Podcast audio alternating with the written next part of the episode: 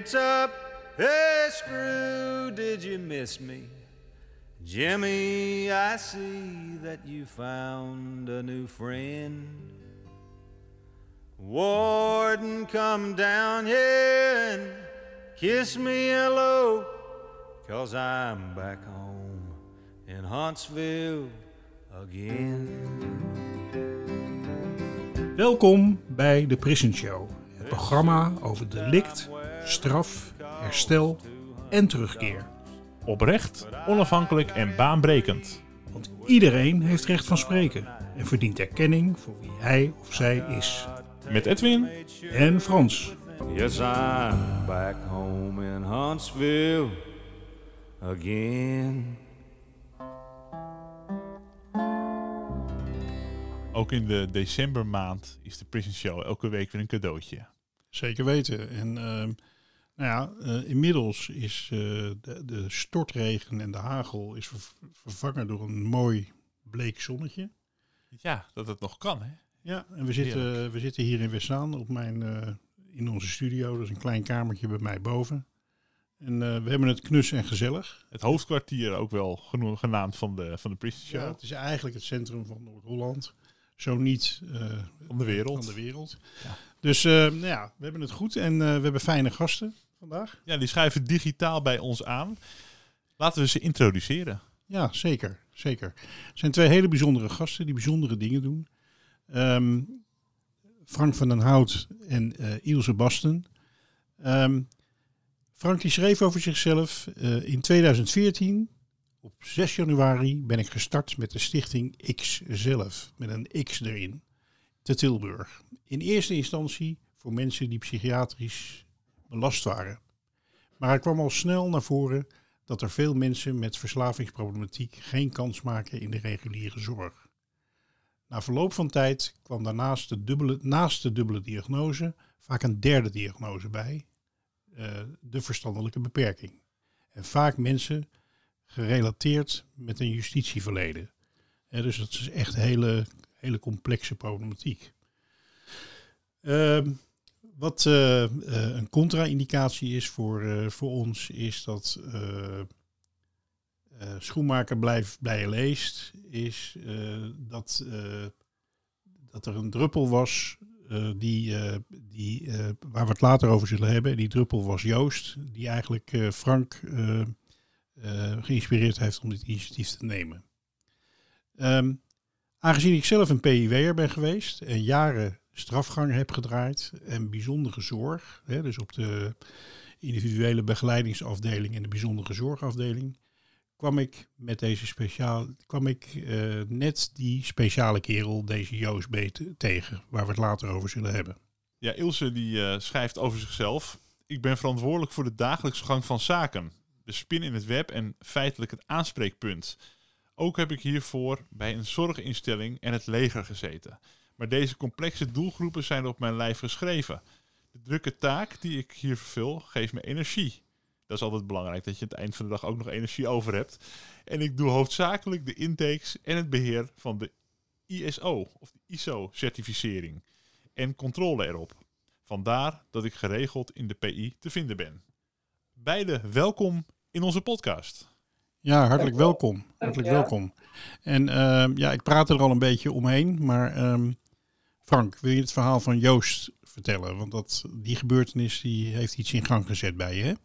Ja, nou, in ieder eh, geval alvast eh, bedankt voor de uitnodiging, voor de podcast. Ehm, ja, eh, ik heb elf jaar in de PIVUG gewerkt. En de eerste dag dat ik begon eh, met werken, zag ik mensen met een plastic zakje buiten de deur staan. En toen ik elf jaar later wegging, en was dat nog steeds zo.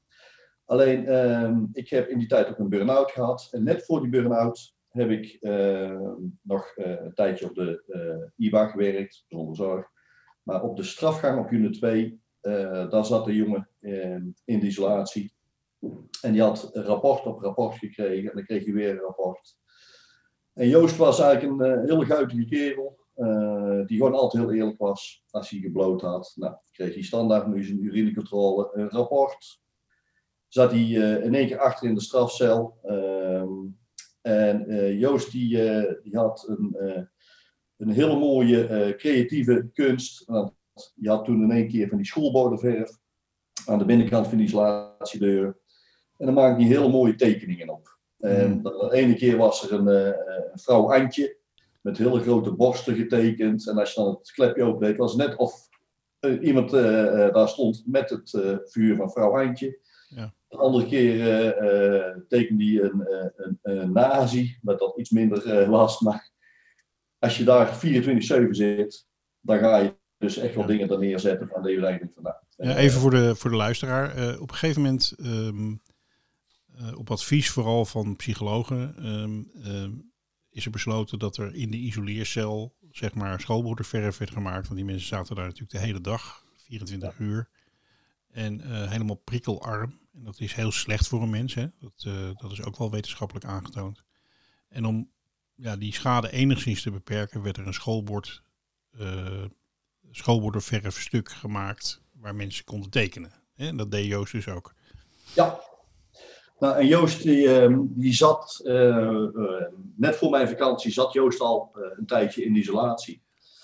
En toen ben ik drie weken op vakantie geweest en toen kwam ik terug en Joost zat nog steeds in isolatie. Jongen, jongen, wat lang. Ja, ja die had rapport, rapport, eh, rapport gekregen, want eh, niet iedereen eh, vond het humor wat hij aan de binnenkant tekende. Ja. Ik, ik, ik zag daar het probleem niet van. En misschien is dat ook de reden dat ik de zorg verder ben ingegaan. Maar wat raar dat je dan eigenlijk een isoleerstraf krijgt voor tekeningen die je op het schoolbord maakt. Ja, nou, de, de, eh, vooral de, de persoon als nazi, die Ja. werden zwaar aangerekend, omdat eh PIVUK natuurlijk een, eh, een oud concentratiekamp is. Mhm. En eh, eh, ja, daar, daar vond iedereen iets van. Eh, Ja. Ik vind er iets van, als iemand 24-7 er zit, laat hem alsjeblieft lekker tekenen. Er is geen agressie naar personeel. Hij eh, voldeed aan alles. Hij ging roken, hij, eh, eh, het luchten. Alles werkte niet aan mee. Vooral in die persoonlijke contacten. Mhm. En toen ik terugkwam van eh, mijn vakantie en ehm, ik, eh, ik zie hem daar weer inzetten. Dus ik zeg van, hé hey Joost, dus ook overigens zijn echte naam. Ik zeg, eh, hoe komt het toch dat je hier nog steeds zit? Ja, zegt hij, rapport op rapport. Ik zeg, ja, ik zeg, maar ja, hoe, hoe komt het dan? Ja, zegt hij, je weet je toch een beetje plagen en zo. Ik zeg, ja, dat snap ik. Ik zeg, maar ik, ik- het is niet goed dat je hier nog zit.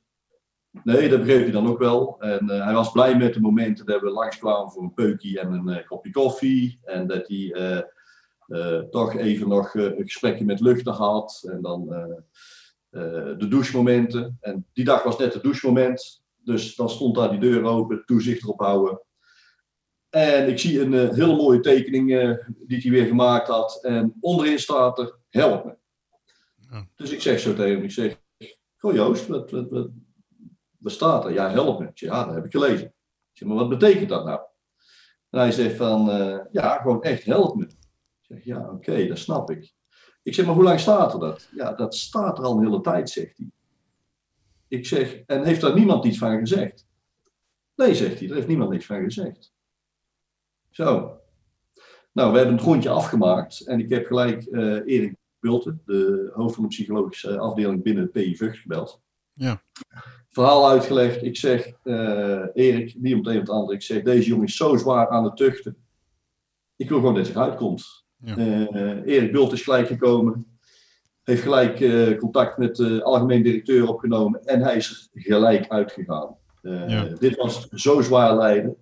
En Joost is eigenlijk voor mij een beetje het setje geweest om die bijzondere zorg op te gaan zoeken. Ja, ja. Van, om toch even verder te kijken als neus lang is. En er zitten zoveel mensen in detentie met dit probleem. Dus je had echt zoiets van, nou, eh, dit kan anders, dit kan beter. Nou, zeker omdat er zoveel zijn. eh, en eh, die komen eigenlijk bijna altijd op strafgang terecht. Ja. Terwijl eh, vroeger de cipier, het opsluiten en eigenlijk mond houden. ben ik blij dat er steeds meer geluisterd wordt naar, naar de mens die achter de deur zit. Ja, ja. Dus dat moest veranderen, vond ik. Snap ik. Hey, ehm, Ilse, een vraag, een vraag voor jou. Ehm, nou, jullie zijn ehm, eh, samen hebben jullie een beetje de leiding hè, in, de, in, in eh, eh, ikzelf. Ja. Ehm, Hoe is het voor bewoners om met een man en een vrouw te maken te hebben? Jullie zijn weliswaar geen echtpaar, maar jullie zijn toch, zijn jullie dan zo- een soort vader en moeder, zoals in een jeugdherberg? Hoe, hoe werkt dat om eh, als man en vrouw Ja. met zo'n groep te werken? Ja, ik denk wel dat er een beetje als eh, eh, vader en moeder, ik wil niet zeggen dat Frank en ik dan eh, als vader en moeder gezien worden, Nee. maar wel zeg maar de familiesfeer. Daar willen we wel hier eh, ehm, ehm, ja, mee werken. En niet van ik ben de begeleider of ik ben de eigenaar van dit bedrijf en jij bent een cliënt. Zo willen wij absoluut niet werken. Wij, wij noemen ze zelfs geen cliënten, het zijn onze bewoners. Ja. En ehm, wij staan niet eh, boven deze bewoners, maar wij staan echt gewoon langs ze. Ja, En ja. ehm, een bewoner is net zoveel eh, waard als dat ik daar ben. En jij dat bent. Dus jullie willen ook een, een, een soort thuisgevoel geven Ja, zeker. Ja, thuishaven huiselijke kring. Ja, een huiselijke kring. Ja. Ja, wat ik ehm, me kan voorstellen is dat, eh, kijk, we hebben allemaal een vader en een moeder. Hè? En, en we hebben in de wereld nou eenmaal mannen en vrouwen. En eh, de een heeft eh, voor het een eh, gaat hij liever naar een man en voor iets anders gaat hij liever naar een vrouw. Ervaren jullie dat ook zo? Ehm, dat, dat bewoners ook reageren ja, vanuit dat je een vrouw en een man bent? Dat ze, daar, dat ze dan met andere dingen bij jou komen als bij Frank bijvoorbeeld? ja, zeker, absoluut. Ja. ja, dat merk je heel duidelijk. En ja, het is hier best wel een eh, eh, eh, mengelmoesje van dames en heren. Mhm. Ehm, de oudste is 61. 63. 63, sorry alweer. Ja. En ehm, de jongste, die is, ehm die liggen 20, geloof ik. Ja, 20. Dus je hebt een heel diverse groep heb je. Ja. En ja, je merkt dan, het maakt dan niet uit of, want soms gaat de vrouw ook naar Frank toe. Ja. Met bepaalde dingen, of naar een mannelijke collega van mij. Wat denk je als je aan een bewoner van jullie zou vragen van goh, ehm, als je nou naar ehm Ilse en naar Frank kijkt, wat, eh, wat, wat, ehm, wat karakteriseert nou de een en de ander? Eh, voor Frank, eh, naar Frank ga je toe als er dat en dat en dat aan de hand is. Maar voor Ilse kan je het beste, eh, eh, die kan je het beste hebben voor dit of dat. Hoe, hoe, hoe kijken bewoners naar jullie? Ja, dat vind ik eh, wel, vind ik wel lastig. hè. Ik denk, eh, voor een lang verhaal gaan ze naar Frank. Klopt. Ja, ik kan me- wat heel traditioneel is natuurlijk. Ja. Eh, eh, ik ben natuurlijk ook zelf jarenlang groepsleider geweest. Dus eigenlijk een soort rol gehad zoals Frank dat vroeger ook in Vught had. Hè? En dan zag ik wel dat, dat die jongens naar mij... Ik, ik werkte heel graag met vrouwen. En ehm, jongens kwamen vaak naar mij toe eh, om te sporten. eh, ook wel een beetje om de strijd aan te gaan. Hè? Het autoriteitsconflict. Ehm, en ehm, vrouwen hadden daar minder last van. Daar gingen ze minder de strijd mee aan. En ja, als ik met een vrouw werkte, konden we, dan konden we dat heel mooi verdelen. Hè? Want die ene die alleen maar wilde vechten met jongens, die, werd door haar opgevangen. ja, zachte en harde kant, zeg maar. Dat een beetje, ja. Ja, een beetje good cop, bad cop. Daar Heel, wij eh, heel, heel traditioneel. Hebben jullie dat ook?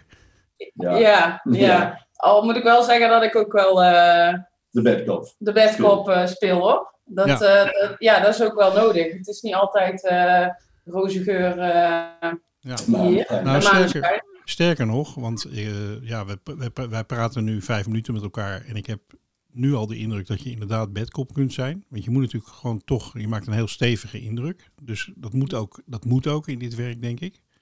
Ja. Ik denk zelfs dat het heel vaak zo is dat de, de vrouw beter de bedkop kan zijn als de man. Omdat dat eerder geaccepteerd wordt. Klopt dat? Ja, dat denk ik wel. Ik denk dat het, eh, als ik dan, als eh, ik een conflict heb of Frank, als ik daar dan naar kijk, man-vrouw, Ja. dan ehm, denk ik dat bij Frank sneller op kan lopen. Dat is ook wel eens nodig natuurlijk, hè, want soms Ja, heb je gewoon precies. even die, dat conflict nodig om iemand uit de tent te lokken, zodat hij er vanaf is, van Ja. de spanning. Ja. En ehm, bij mij is het zeg maar, ehm, ja, dat het wel eerder gesust is, denk ik. Ja, ja, ja, ja. Ja. Ja, dat is voor mij een heel herkenbaar ding. En ehm, ja, ik denk dus, dus echt dat het voor de, de bewoners eh, heel fijn is dat, het, dat er een man en een vrouw zijn, zeg maar. In het huis. Ja, ja zeker. Ja, Ja, voor, het, absoluut. voor een beetje een breed aanbod ook, hè, wat, je dan kan, eh, wat je dan kan bieden. Wij, wij geven ook vaak aan, Frans, van als mensen naar mij komen, voorheen kwamen ze altijd naar mij. En dat is nu eigenlijk hoofdzakelijk naar Ilse gegaan met vragen. En Ja. Ilse is nu weer aan het verdelen onder personeel. Ja, ja. Dus dat zij ook weer meer rust krijgen, want nu komen alle vragen op Ilse eh, af. Ja. En eh, eh, ja, die heeft het al druk zat, laat ik het zo zeggen. Ja, ik snap het. Hey, en ehm, eh, Frank, ehm, ehm, het sociale netwerk hè, van, de, van de bewoners, hun familie en, en kennissen en, en mensen die belangrijk voor ze zijn. Worden die op een of andere manier eh, zijn die betrokken bij het huis en bij eh, het leven daar? En, en, Nou, en- ei- eigenlijk sumier Frans, omdat de meeste mensen geen systeem hebben. ja, Of ze zijn vaak al helemaal uitgekotst door, eh, door eh, het gezin waar ze vandaan komen. Ja. Of ze hebben zelf de schepen verbrand. En eh, de mensen die wij hier hebben, waar het wel mee is, daar, daar zijn korte lijntjes mee. Maar wij hebben bijvoorbeeld wel, iedereen heeft hier bewindvoering. Dat is een verplichting vanuit mij. ja, Om, omdat wij geen ruzie gaan maken over financiën. gaan we niet doen. Nee. We hebben ook het liefst een mentor erbij, of soms een curator.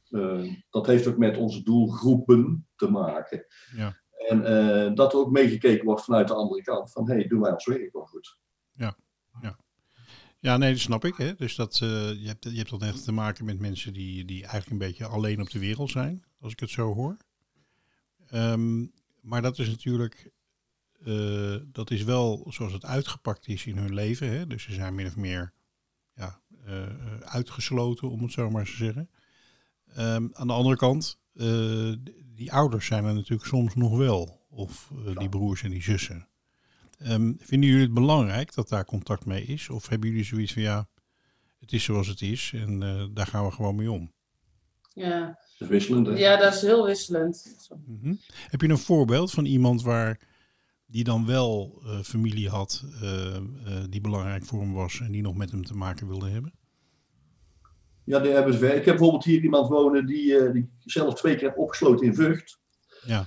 En ehm, die man, die, eh, die, eh, zijn kinderen zijn heel belangrijk. Ja. Eh, maar hij heeft bijvoorbeeld ook een verleden met heel veel gebruik en geweld en, en criminaliteit. Ehm, maar wij proberen daar wel zijn kinderen en zelfs zijn kleinkinderen zoveel mogelijk bij te betrekken.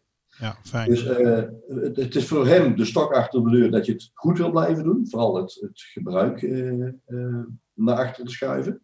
Ja. Maar ook dat hij een dak boven zijn hoofd heeft. En dat hij dus niet op straat rondloopt. En, en zijn eigen niet begeeft in ja, de criminele sfeer waar hij eigenlijk vandaan kwam. Ja, dus, dus eh, het lijkt me dat het dan voor die kinderen ontzettend belangrijk is om dit te weten. Dat dit goed gaat met hem. En dat, dat, dat eh, want hij- die hebben natuurlijk ook maar één vader. Hè? Dus wie die ook is en wat hij ook gedaan heeft. Ja, Eh, maar als dat maar zo gezien blijft, Frans. Dat is belangrijk. Ja. Dat er altijd een vader in beeld is. En met welke probleem dat je ook heeft gehad. Dat het wel de vader blijft. Ik snap het. Hey, eh, Ilse, hè? Eh, mensen die bij jullie komen, die hebben een, ja, toch wel een behoorlijke complexe problematiek. Hè? Eh, Ja. Verslaving, verstandelijke beperking, eh, dat soort dingen. Dat is vaak heel erg hardnekkig. Eh, eigenlijk is het zo dat, dat je bijna kan zeggen dat iemand die verslaafd is, die gebruikt drugs. Hè? Dus dat is eigenlijk een soort kenmerk van iemand die verslaafd is. Ja. Ehm, en jullie zeggen eigenlijk van we, we bannen de drugs uit ons huis. Hè? Dat, dat accepteren we niet. Ehm, nu heb je tegenwoordig wel eh, eh, woonvormen en dergelijke waar op een bepaalde manier, eh, zeker met mensen met dit soort problematiek, gebruik gedoogd wordt. Hè? De, ene, Ja. de ene plek zeggen ze van je, moet het, je mag het alleen buiten doen, bijvoorbeeld, buiten de instelling. En er zijn ook huizen van het leger des heils waar ze zeggen van je mag het alleen op je kamer gebruiken, bijvoorbeeld, dat soort dingen, en niet gezamenlijk. Dus, hè, dus daar kun je verschillende keuzes in maken. Ehm, wat vinden jullie daarvan en, en hoe zijn jullie tot jullie aanpak gekomen? Ja. Ehm, nou ja, eh, hoe eh, Frank tot deze aanpak is gekomen, dat weet ik ook niet. Maar ja, wij werken eh, dat ze binnen niks mogen gebruiken bij ons. Mhm. Eh, maar het is natuurlijk geen gesloten setting. Het is een beschermde woonvoorziening. En ze kunnen gewoon naar buiten. Dus hè, de deur is gewoon open.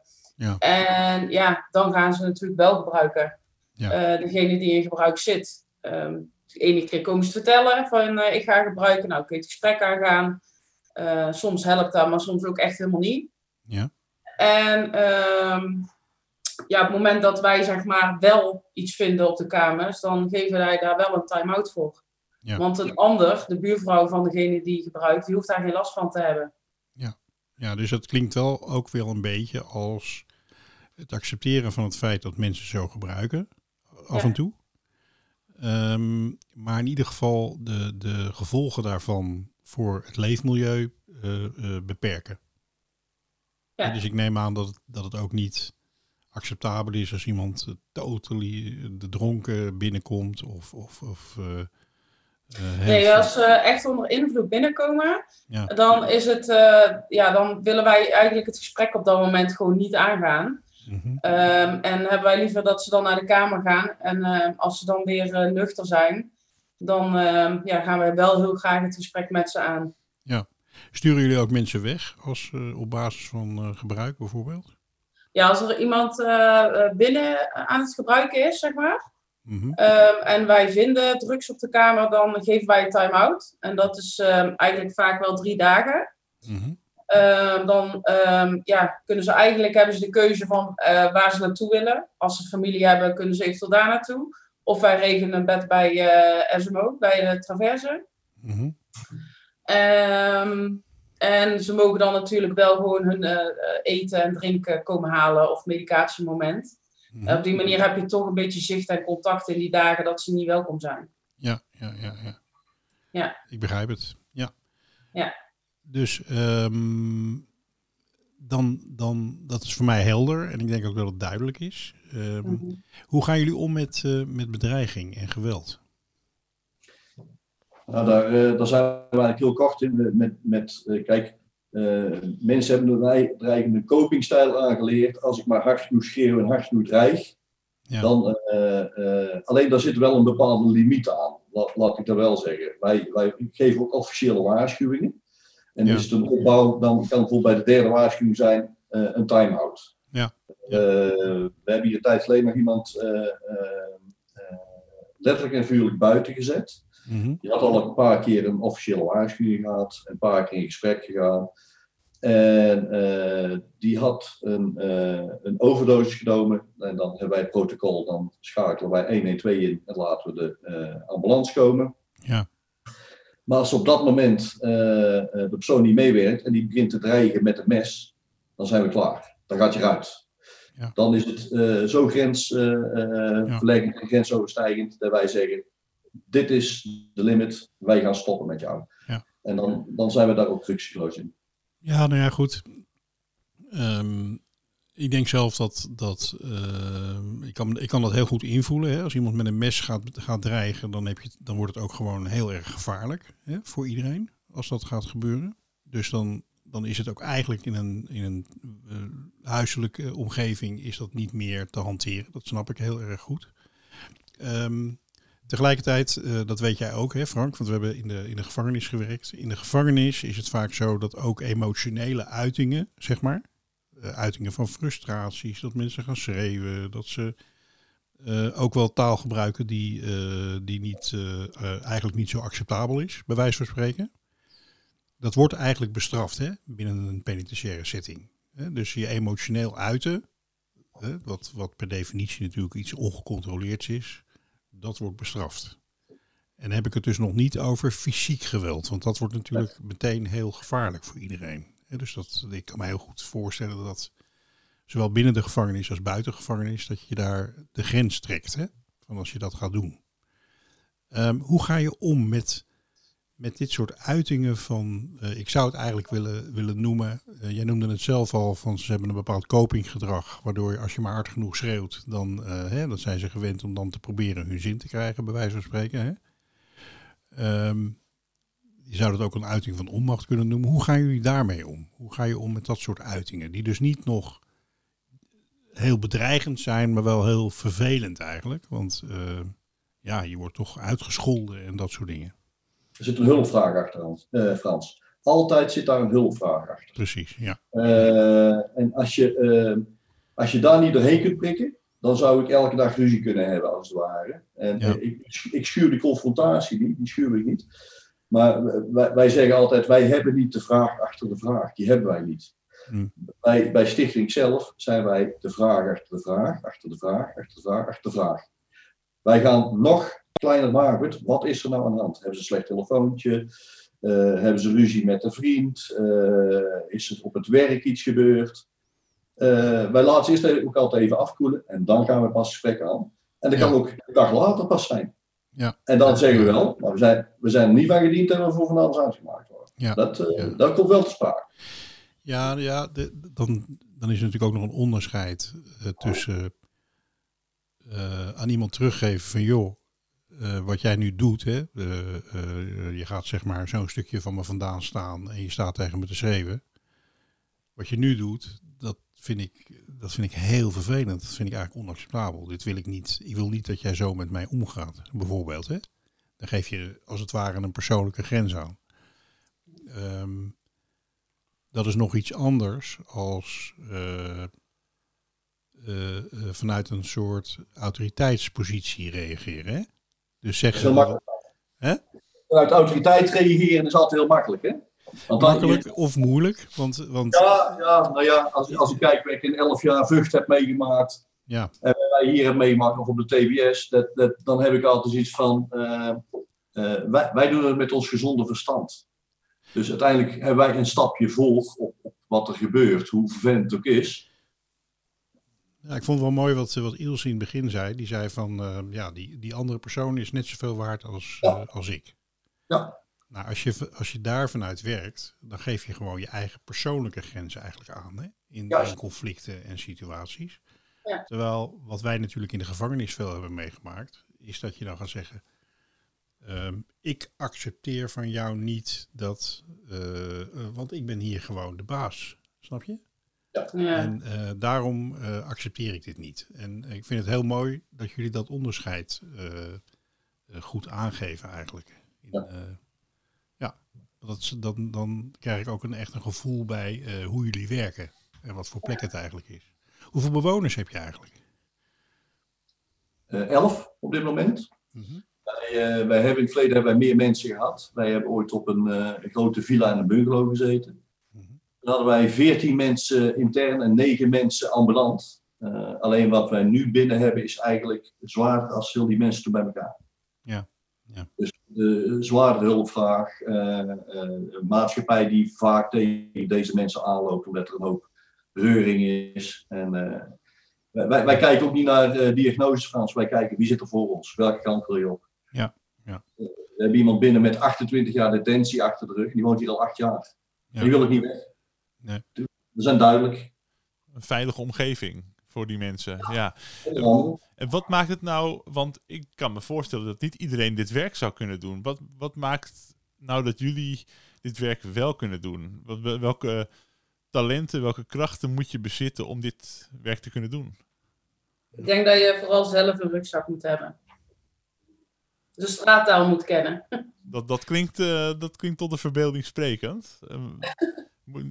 Maar jullie hebben niet eh, 28 jaar in de gevangenis gezeten volgens mij. Dus wat, wat, wat bedoel je daar dan mee met je moet zelf een rugzak hebben? Nou ja, moet, moet de rugzak. Ik denk dat het dat wel, het begrijpen van de bewoners, dat het dat wel makkelijker maakt als je zelf ook zaken hebt meegemaakt. Hè? Dus en dan wil ik niet zeggen 28 jaar detentie of, eh, of wat dan ook, want ik heb nog nooit in detentie gezeten. Nee, nee, daarom. Nee. Ehm, maar ja, het maakt gewoon makkelijker om dat begrip te kunnen opbrengen. Ja. En jezelf zijn. Ik bedoel, hier, als je even. ik- heb ook in een grootschalige zorginstelling gewerkt. En daar ben je gewoon een nummertje, zowel als personeel als eh, bewoner daar. Daar Ja. zijn het cliënten. Ja. Ja. En dat is niet om daar af te vallen, maar dat is nou eenmaal omdat het groot is. Ja. En hier is het kleinschalig en is het huiselijk. En kun je gewoon en mag je jezelf ook zijn. Ja, ik, eh, als ik het even mag vertalen, dan, dan, eh, en dan hoor ik graag van jou of het klopt. Eh, wat je eigenlijk zegt is van als je zelf echt uitdagingen in je leven hebt gekend. En, het, en, soms echt, echt eh, het heel moeilijk hebt gehad. En die uitdagingen, daar, daar heb je mee, die heb je weten te overwinnen. Daar heb je mee leren omgaan. dan is het makkelijker om empathie op te brengen voor mensen die ook in zo'n worsteling zitten en met uitdagingen te maken hebben. Want dan vanuit je eigen proces. Klopt dat? Mooi woord. ja. Ja, ik, ik loop ook al een tijdje mee. Dus Ja. Maar eh, eh, het is heel intensief werk. Lopen jullie dan wel eens tegen je eigen grenzen aan? Of want je moet het ook allemaal maar verwerken. En je moet er ook maar mee omgaan. En je neemt ook wel eens dingen mee naar huis. Ja, ja ik, eh, dat- is, voor mij is dat wel prettig. Ik woon in Eindhoven en eh, ik zelf zit in Tilburg. En ik vind het heerlijk om, die, eh, om de half uur naar huis te rijden. Want dan, dan kan ik het gewoon leegmaken. En dan kom ik thuis uit de deur open en dan ben ik gewoon mama van twee Ja. kinderen. Ja. En ehm, dat, dat, dat, dat helpt mij wel. Gewoon een stukje verwerken. Was, hoe is de dag verlopen? En ik, kan, ik bel heel vaak met Frank als ik vrij ben. Of eh, weet je wel, of Frank met mij. Om even gewoon te sparren. En eh, ja, heel veel humor. Humor is heel belangrijk. ja, dat Eh, lijkt me ook, ja. Dat is iets wat ik heel vaak hoor terug, terugkomen. Of het nou gaat om eh, mensen bij de, bij de brandweer of in de zorg of, of eh, op andere levensgebieden. Iedereen vindt humor een belangrijke factor om ook weer dingen om te kunnen gaan en eh, iets te kunnen verlichten ook. Ja. Dan moet ik wel zeggen dat, dat de humor in, in, in wat zwaardere soorten werk, hè, zoals waar jullie in zitten, is ook wel vaak eh, vrij harde humor. Dat, eh, zwart dat herkennen jullie wel, hè? Ja, ja, ja. Ja. Maar, eh, maar eigenlijk is het niet meer als overleven, Frans. Ja. Ja. Iets. Dus eh, eh, door, door daar eh, eh, eh, grof in te zijn, want wij krijgen ook heel de dag eh grof vertaal naar ons en grove humor krijgen we van de mensen ook. Ja, ja. Het is altijd humor, maar het wel heel, heel banaal vaak. En ehm, eh, wij maken het wel luchtig op dat gebied. Ja, ja. En, en eh, eh, ja, zwarte humor is, is, eh, is zelfs gewenst hier. Ja, ja. Voor, gewoon om te relativeren ook, hè? En verder Ja. te kunnen. Ja, ja zeker, zeker. Ja, mooi. Mooi om te horen. Het is nodig. Ja. Ja. Ehm, nou, ehm, eh, kan ik me er van alles bij voorstellen. Maar ehm, ik kan me ook voorstellen dat je op een gegeven moment met iemand te maken hebt, dat er iemand bij jullie woont, die echt gewoon hele, hele zware problematiek heeft. Waar je eigenlijk denkt van nou, daar kan eigenlijk niemand mee overweg. Ehm, heb je, kan je een soort voorbeeld geven zonder namen te noemen of wat dan ook, van, van een soort gedrag of een soort situatie eh, die behoorlijk ernstig was en hoe jullie daar dan mee omgegaan zijn? Ja, die hebben wij verschillende casussen. Nou, laten we er één nemen. Hè? Laten we er één nemen als voorbeeld. Oh ja, nou, wij, wij hebben bijvoorbeeld, ehm, eh, dat is weer een paar jaar terug, hebben wij iemand die bij eh, de SMO woonachtig was en die moest naar eh Amarant. Mhm. Eh, alleen daar zaten de directies met elkaar zo zwaar, eh, stonden die tegenover elkaar. Toen zijn wij door het eh, Zorg- en Veiligheidshuis eh, benaderd, eh, of wij daar niks in konden betekenen. Dus eh, eh, eh, nou wisten wij dat, dat de persoon die. Ik heb zelf ook bij de SMO gewerkt, dus ik dacht al dat ik die persoon kende. Wat is dat, de SMO? Eh, eh, dak- en thuislozen, Oké, ja. maatschappelijk opvang. Ja, ja.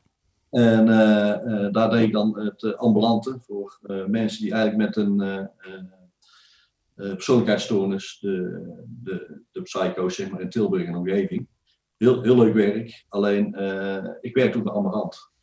Eh, v- vandaar eh, de, de twee organisaties kende ik en de directies die wilden, eh, de een wilde eh, hem niet opnemen, want het was een wachtlijst van acht jaar. Dat was bij Amarant. En bij Traverse wilden ze vanaf, omdat hij eh, een hoop agressie liet zien, een hoop middelen gebruikt, zowel drank als drugs. Ja, ja. En het, het was een man met een, een, Britse afkomst. Sprak geen Nederlands, kon het wel verstaan. woonde al jaren hier, maar wel iemand die, die op de top 100 lijst in Tilburg stond. Ja, iemand zo te horen wel echt wel, wel heel lastig om mee om te gaan, lijkt het. Ja, Ja, maar hij heeft hier toch acht maanden gewoond. Eh, eh, wij hebben hem verschillende keren gehad dat we hem op de deur hebben gewezen, omdat hij van alles mee naar binnen smokkelde. Eh, dreigend naar personeel. Eh, ik heb De verschillende... voordeur eruit gemaakt. Ja, voordeur eruit gemapt, met, met fietsen tegen de deur. Eh, dan is het gewoon politie bellen en eh, ja, die neemt hem dan een gedeelte mee. Eh, soms hardhandig, soms zachthandig. Eh, maar wij bleven altijd staan. Eh, Ja. En hij was dus ook gewend om, als ik maar hard genoeg dreig en, en sla, schop tegen materiaal, dan gaan mensen opzij. Nou, wij zitten hier op een bovenverdieping met, eh, met de trap. En dan, mijn collega's of ik stonden dan voor zijn neus. En wij gaan niet opzij. Wij gaan, jij gaat weg. Dat is wat er gebeurt. Ja. En dan stond eigenlijk een baby van 140 kilo voor je te schreeuwen. En eh, eigenlijk ook nog met een flinke snotneus, want hij had altijd een snotneus. Maar het was wel een volwassen kerel met al zijn problematiek. Ja. En eh, uiteindelijk eh, hebben we hem wel op dagbesteding gekregen bij Amarant. Ja. En eh, toen kon hij in één keer heel snel komen bij Amarant. Dus ja. Ja. Toen komt het in één keer wel. Ik vind dit een eh, ja, geweldig verhaal, heel mooi verhaal. Ehm, en waarom? Omdat wat je eigenlijk zegt is, eh, wat ik doe en wat wij doen, is gewoon op onze eigen vierkante meter blijven staan. En dat eh, eh, kennelijk ben je dan zo geaard en zo stevig en blijf je zo bij jezelf, dat je dat ook in zo'n situatie kunt. Hè? Gewoon blijven staan. Hè? In plaats van de straat op rennen en een beet pakken met vijf man en weet ik veel wat allemaal. Hè? Of op een andere manier interveneren bij hem, maar vooral blijven staan. Dat, vind, dat spreekt me enorm aan. Ik denk dat dat heel erg krachtig is. Dat het heel krachtig is en, en heel knap dat jullie dat kunnen ook. En ik kan me ook heel goed eh, voorstellen dat je daardoor uiteindelijk toch een beweging krijgt bij zo'n man, bij het gedrag van zo'n man, eh, die toch enigszins de andere kant op gaat. Ja, nou, dat, dat, dat klopt Frans. Het andere is eh, dat wij het ook eh, belangrijk vinden, zeg maar, eh, want we hebben het straks bijvoorbeeld over het systeem gehad. Wij hebben mensen die in onze omgeving zitten als curator of mentor, die ook Ja. begrijpen wat wij doen. En die ons ook ondersteunen in wat we doen. En Ja. deze persoon die had ook een curator. En die, die, die durfde ook daarin in mee te gaan. En dat we wel gingen zoeken natuurlijk van waar kunnen we die, die weg vinden waar hij uiteindelijk terecht kan komen. Hij is uiteindelijk namerhand, omdat hij ook een verstandelijke beperking had, eh, is hij terechtgekomen. En eh, ik heb hem een tijd geleden gezien en ik denk dat hij kilo of 40 is afgevallen. Mhm. Zit niet meer in gebruik, zit wel op een gesloten afdeling, dat is het andere. Maar hij gedijt goed. Dus Ja. uiteindelijk is hij toch nog op zijn plekje terechtgekomen waar dat hij thuis hoorde. En daar hebben we denk ik met, eh met ikzelf een, een, een grote bijdrage in gehad. Ja. En Ja. dan moet ik heel eerlijk zeggen, eh, de dames die toen ook allemaal werkzaam waren, en, en Ilse is er één van, daar, eh, ehm, daar had hij heel veel respect ook voor. Vooral de dames. En hij kon dan heel ongenuanceerd eh, over zijn girls praten en de Angels. gekste dingen, de Zijn angels, angels, zijn angels. Maar eh, hij had diep respect voor de mensen. Dat, eh, ook omdat we voor, voor hem bleven knokken. Ja, ja. Ja, Hij stond ervan te kijken dat we er nog voor hem waren nadat hij eh, eh, eh, drugs in combinatie met alcohol had gebruikt en totaal onhandelbaar was. Ja. Stond hij ervan te kijken dat we er nog steeds voor hem waren en nog, hem steeds hulp eh, aanboden. Ja, jullie, dus jullie hebben, bedoel je, het heel moeilijk gedrag, maar jullie hebben hem als persoon nooit afgewezen. Nee, precies. Nee, nee. nee. Nou, mooi. Hey, ehm, wat je vaak ziet hè, bij, bij de mensen waar jullie mee werken, is dat ze eigenlijk bijna een leven lang vaak al problemen hebben op een of andere manier. Hè? Dat is vaak in, de vroege jeugd eh, begonnen, op school en in het gezin en allemaal dat soort dingen. En dan lijkt het alsof hè, al heel jong eh, horen ze er niet meer bij, om het zo maar eens te zeggen. En dat escaleert maar verder en verder en verder. Ehm, wat zouden wij nou als, als eh, hè, want mensen zullen best, zeker mensen die dit werk niet kennen, eh, heel erg onder de indruk zijn als ze deze podcast horen. Maar misschien wel denken van ja, maar dat zijn een soort mensen, dat, eh, ja, daar heb ik liever niks mee te maken. Want ik zou weer God niet weten wat ik daarmee wil. Wat zouden wij nou als gewone Nederlanders kunnen doen om ehm, de samenredzaamheid, hè, dat is ook een woord wat jullie gebruiken, de samenredzaamheid van, van mensen die niet helemaal de aansluiting vinden, eh, te, te bevorderen? Wat, wat, wat, zouden kunnen, wat zouden we kunnen doen? Want je hebt, het in, je hebt, je hebt in iedere straat heb je mensen die, ja, die op een of andere manier, vaak kinderen, die op een of andere manier de aansluiting niet vinden. Nou, ik, ik denk Frans, want eh, uiteindelijk krijgen wij deze casus echt bijna dagelijks.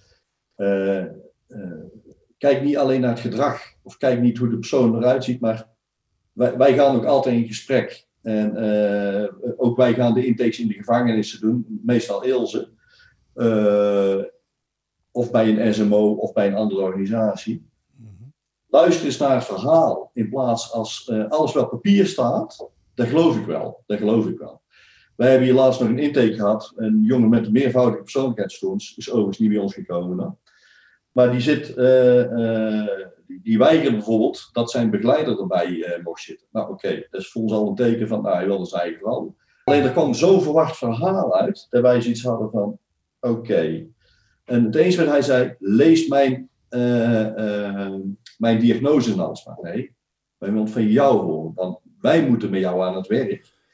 En uiteindelijk eh, eh, hebben wij in die 30 jaar ervaring, en dan praat ik nu even over mijn eigen Ilse is iets jonger, dus eh, die. Maar ehm, eh, dat vaak zulke diagnoses zijn van eh, eh, behandelaren. Ja. En als ze dan een andere behandelaar krijgen, dat ze weer een andere diagnose krijgen. Ja. En hoe, hoe kunnen deze mensen dit dan nog overzien? Dat kunnen ze niet. Ik vind het op zich al heel mooi dat je, dat je zegt van joh, jij bent niet je diagnose, jij bent niet een dossier, maar jij bent gewoon Piet of Jan en eh, iemand waar wij gewoon eh, mee eh, te maken hebben, zeg maar, waar we, die we willen ontmoeten, een persoon. We willen niet een diagnose ontmoeten, we willen een persoon ontmoeten. Ja, Dat is en eigenlijk wat wij, steeds meer, wij krijgen ook steeds meer de, de, de outcasts, als ze het dan buiten noemen. Ja. Mensen die transgender zijn, die nergens geen plekje krijgen. Ja. En wij hebben gezegd, iedereen is hier welkom. We hebben natuurlijk wel een bepaald eh, huisreglement, daar moeten mensen rijden. Maar wij hebben in hele korte tijd, hebben wij toen drie keer een transgender aangemeld gekregen. Mensen met eh, be- bepaalde artikelen, die ergens anders niet terecht kunnen omdat ze een contra-indicatie zijn, die zitten hier bij ons wel in gesprek. Wil niet zeggen dat ze allemaal komen, want we hebben ook maar elf plekken. Maar wij gaan wel met mensen aan de slag. Want dat vind ik het belangrijkste. We, we, we werken met mensen. Ja. En, en welke stoornis, welke beperking, dat geloven we allemaal wel. Maar we gaan wel met mensen aan de slag. Nee, maar eh, kennelijk, want eh, wat je vertelt, dat verhaal. ehm, eh, ik hoor van mensen in de verslavingszorg, mensen, zeker natuurlijk bij justitie en allerlei voorzieningen. Maar hoor ik dat dit, deze benadering, dat die daar eigenlijk niet dominant is, zeg maar. Dat, niet dominant, maar als het moet wel, Frans.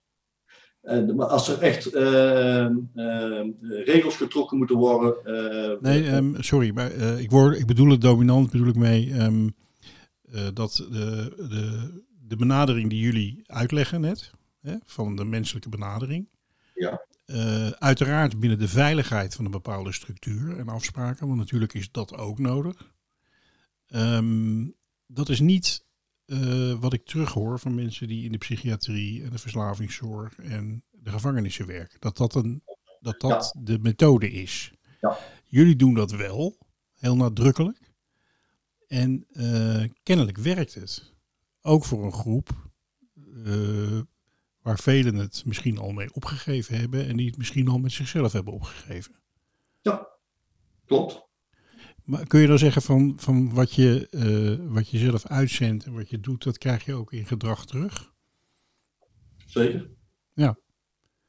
Ja, ik denk dat eh, eh, ik zou het heel fijn vinden als heel veel mensen dit, dit horen. En dit gewoon vanaf morgen ook in hun eigen situatie gaan toepassen. Ja, helemaal mee eens, Frans. De, dit heb ik jaren geleden ooit bedacht, zeg maar, bij andere organisaties waar ik zelf gewerkt heb. Ja. Waarvan ik dacht van, hé, hey, dit kan anders. Eh, er zijn heel veel eh, wijze heren die iets bedenken. Eh, maar ik heb altijd, ik nodig ze liefst uit hier op de, op de werkvloer. Kom eens gewoon kijken in plaats Ja. van oordelen. Ja, ja. Dat, het is zo makkelijk om een wijze de vinger. En daar, zijn ben ik zelf al jaren mee bezig om dat onderuit te halen. Ja. Maar als mensen hier meedraaien, weten ze pas wat we doen. Hey, en wat, wat zou de overheid eh, eh, kunnen doen? Hè? Want eh, nou ja, ik zelf, dat weet, je, dat weet je ongetwijfeld, want je volgt mij ook. Wij volgen elkaar, zeg maar. Ehm, eh, en ik ben heel kritisch op zeg maar, het feit dat een heleboel mensen de aansluiting gaan verliezen. En eigenlijk min of meer opgegeven worden hè, door, de, door de overheid. Ehm, ehm, dat is eigenlijk een groeiende groep. Heb jij een, een, een, een visie, een idee, of jullie, over eh, wat de overheid zou kunnen doen om, om, om dit, eh, dit proces zeg maar, eh, te voorkomen? Dat is een hele mooie. Ik, ik, ik denk bij de basis beginnen, Frans.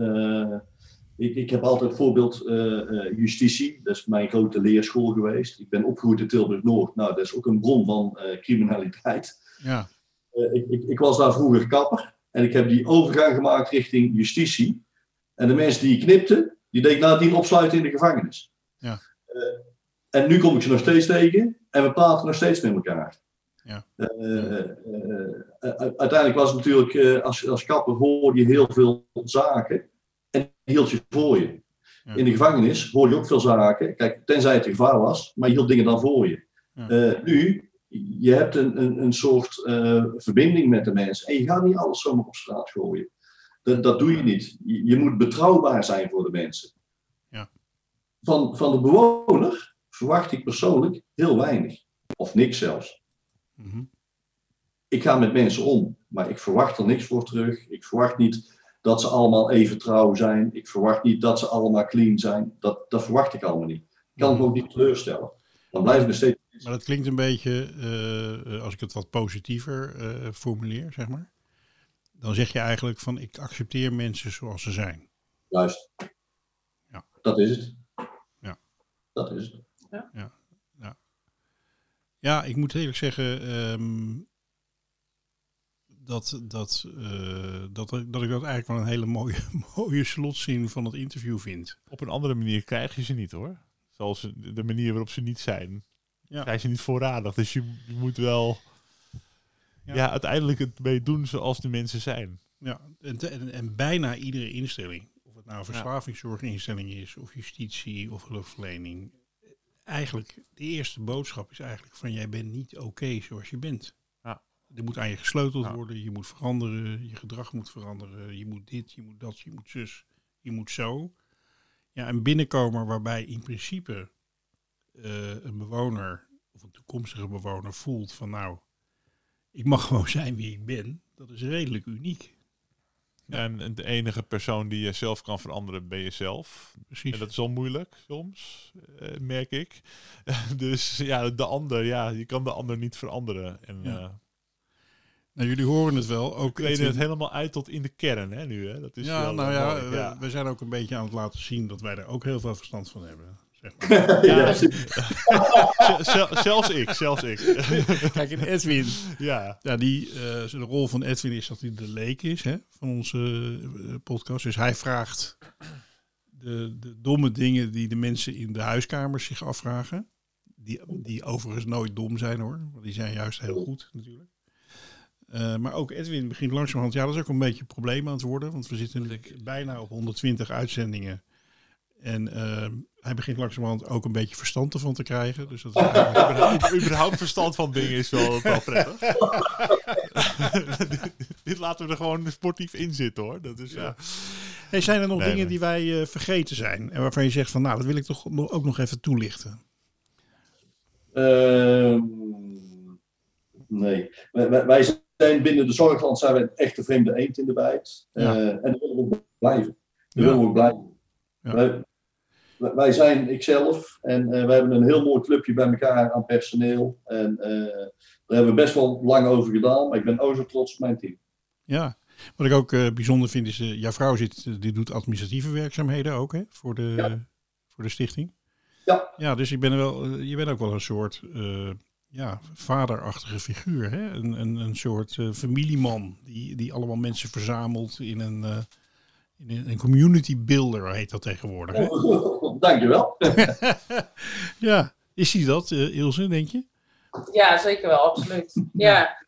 Ik zei, eh, Angelique was hier, eh, zijn vrouw dan, eh, die was hier van de week nog en ik weet al niet waar het over ging. En zei, ja, eigenlijk ben jij gewoon mijn tweede mama, ook voor personeel. Ja, ja, ja. Nee, dat, dat, dat kan ik me helemaal. En het is ook wel, ik, op een of andere manier vind ik het ook wel een beetje Brabants. ja, Het heeft een soort gezelligheid die, eh, ja, ja, zeker, absoluut. mooi. Wat gezelligheid. De nachten zijn lang hier. Ja, de, vooral de nachtshift. Jullie Ja. mogen, heel erg, eh, jullie mogen heel erg trots zijn op wat jullie doen. Want Ja. ik, ik, bewon- ik bewonder jullie ehm, ja, dat, dat jullie er zijn en dat jullie dit, eh, dit werk, eh, werk doen. Daar kan ik Ja. alleen maar bewondering voor uitspreken en tegenop kijken. Ja. Ja, en ik ben ook eh, heel blij met dit gesprek. Ik denk dat het inspirerend is. Dat het ook heel mooi is voor heel veel mensen die, om dit te horen. Dat dit, eh, dat dit gebeurt. Ehm, Ja, het zou eigenlijk, zouden eigenlijk meer eh, zorg, eh, kleinschalige zorgorganisaties zo. eh, Ja, kleinschalig. Ook kleinschalige gevangenissen, kleinschalige voorzieningen. Eh, de menselijke maat. Hè? Dat, dat, ja, de En, mensen. ehm, en, en jullie brengen dat in de praktijk. En ik denk dat, eh, ja, ik hoop dat heel veel mensen die, die dit horen ook denken van, nou, ik- ga dit ook proberen in mijn eigen leven en in mijn eigen werk. zou mooi zijn. Mooi Heel erg bedankt. Ik vond het een hele fijne ontmoeting. Dank jullie wel. Eens gelijks. Jullie Dank u wel voor jullie tijd. Oké. Dank u wel. Dag. Yes, I'm back home in Huntsville again.